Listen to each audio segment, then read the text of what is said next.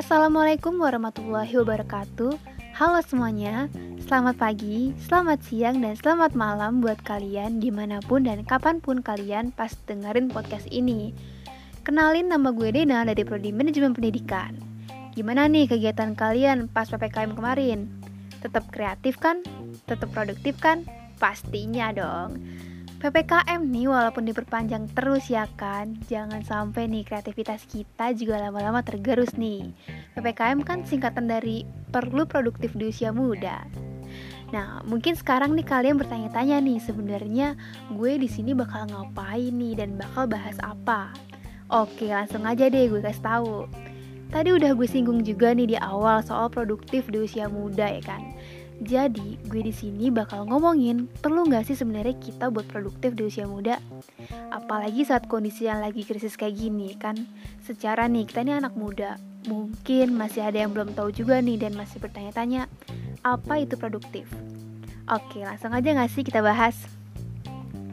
Jadi, produktif itu sendiri artinya sebuah cara untuk mendapatkan hasil yang diinginkan dengan sedikit waktu dan sedikit usaha Nah, artinya ini teman-teman, saat teman-teman mencoba untuk mencapai tujuan teman-teman nih, tapi teman-teman tuh masih bisa luangin waktu untuk hal-hal penting lainnya juga.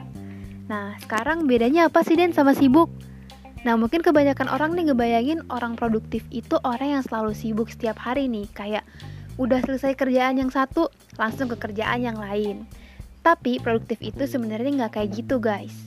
Nah, bedanya kalau produktif itu lo seneng banget saat ngerjain hal itu dan lo nggak ada beban sama sekali nih pas ngejalaninnya. Nah, lo kan udah tahu nih apa itu produktif dari yang gue jelasin tadi. Sekarang gue mau coba bagi-bagi tips nih berdasarkan pengalaman gue soal produktivitas. Langsung aja nih ke tips yang pertama. Tips yang pertama adalah coba lo fokus ke pekerjaan yang paling penting. Nah, fokus di sini tuh biasanya gue selalu ngerjain hal-hal yang penting dulu nih. Pasti lo punya gak sih kayak pekerjaan yang jadi skala prioritas lo nih?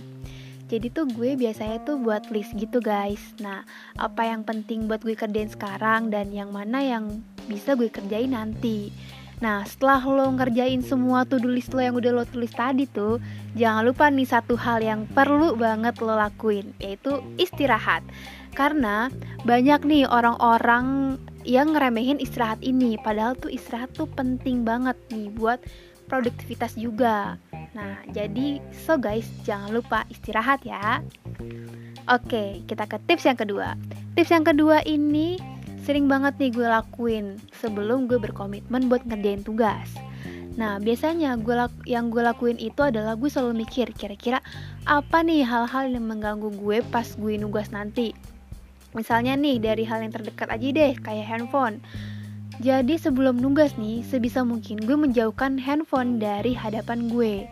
Nih makanya nih kadang beberapa temen gue sampai kadang bokap gue juga sampai nelpon gue loh pas gue lagi nugas karena ya gue saking nggak bisa diganggunya karena gue bener-bener mau konsentrasi dan menjauhkan hal-hal yang mendistract gue nanti pas nugas gitu tapi ini bener-bener bekerja banget loh buat gue dan ampuh banget untuk mengembangkan fokus kita kayak gitu. Nah, oke, okay, kita langsung aja nih guys ke tips yang ketiga. Nah, kalau tips yang ketiga ini nih coba nih ubah fokus lo yang tadinya lo berfokus pada tujuan jangka pendek, coba ubah fokus lo ke tujuan jangka panjang. Nah, kadang lo pernah gak sih kayak ngerasa uh, lo tuh ngerjain sesuatu tapi hasilnya tuh kayak nggak ada gitu loh Nah, di sini tuh bukan soal hasilnya guys yang nggak ada, tapi emang belum waktunya. Kita sering dengar kan kalau semua semua hal tuh butuh proses. Nah, anggap aja nih lo lagi dalam proses menuju tujuan lo. Contohnya nih dalam kehidupan sehari-hari aja deh, kayak lo olahraga nih, buat nurunin berat badan. Tapi ternyata belum ada hasilnya nih, berat badan lo nggak berubah dan masih tetap sama aja deh kayaknya. Nah, kalau lo belum ada hasil nih, seharusnya lo tuh nggak boleh nyerah guys, karena lo sejatinya lagi dalam proses. Nah, dalam proses itu sendiri, lo juga dapat impactnya kok. Kayak misalkan nih yang tadi gue contohin olahraga ya kan.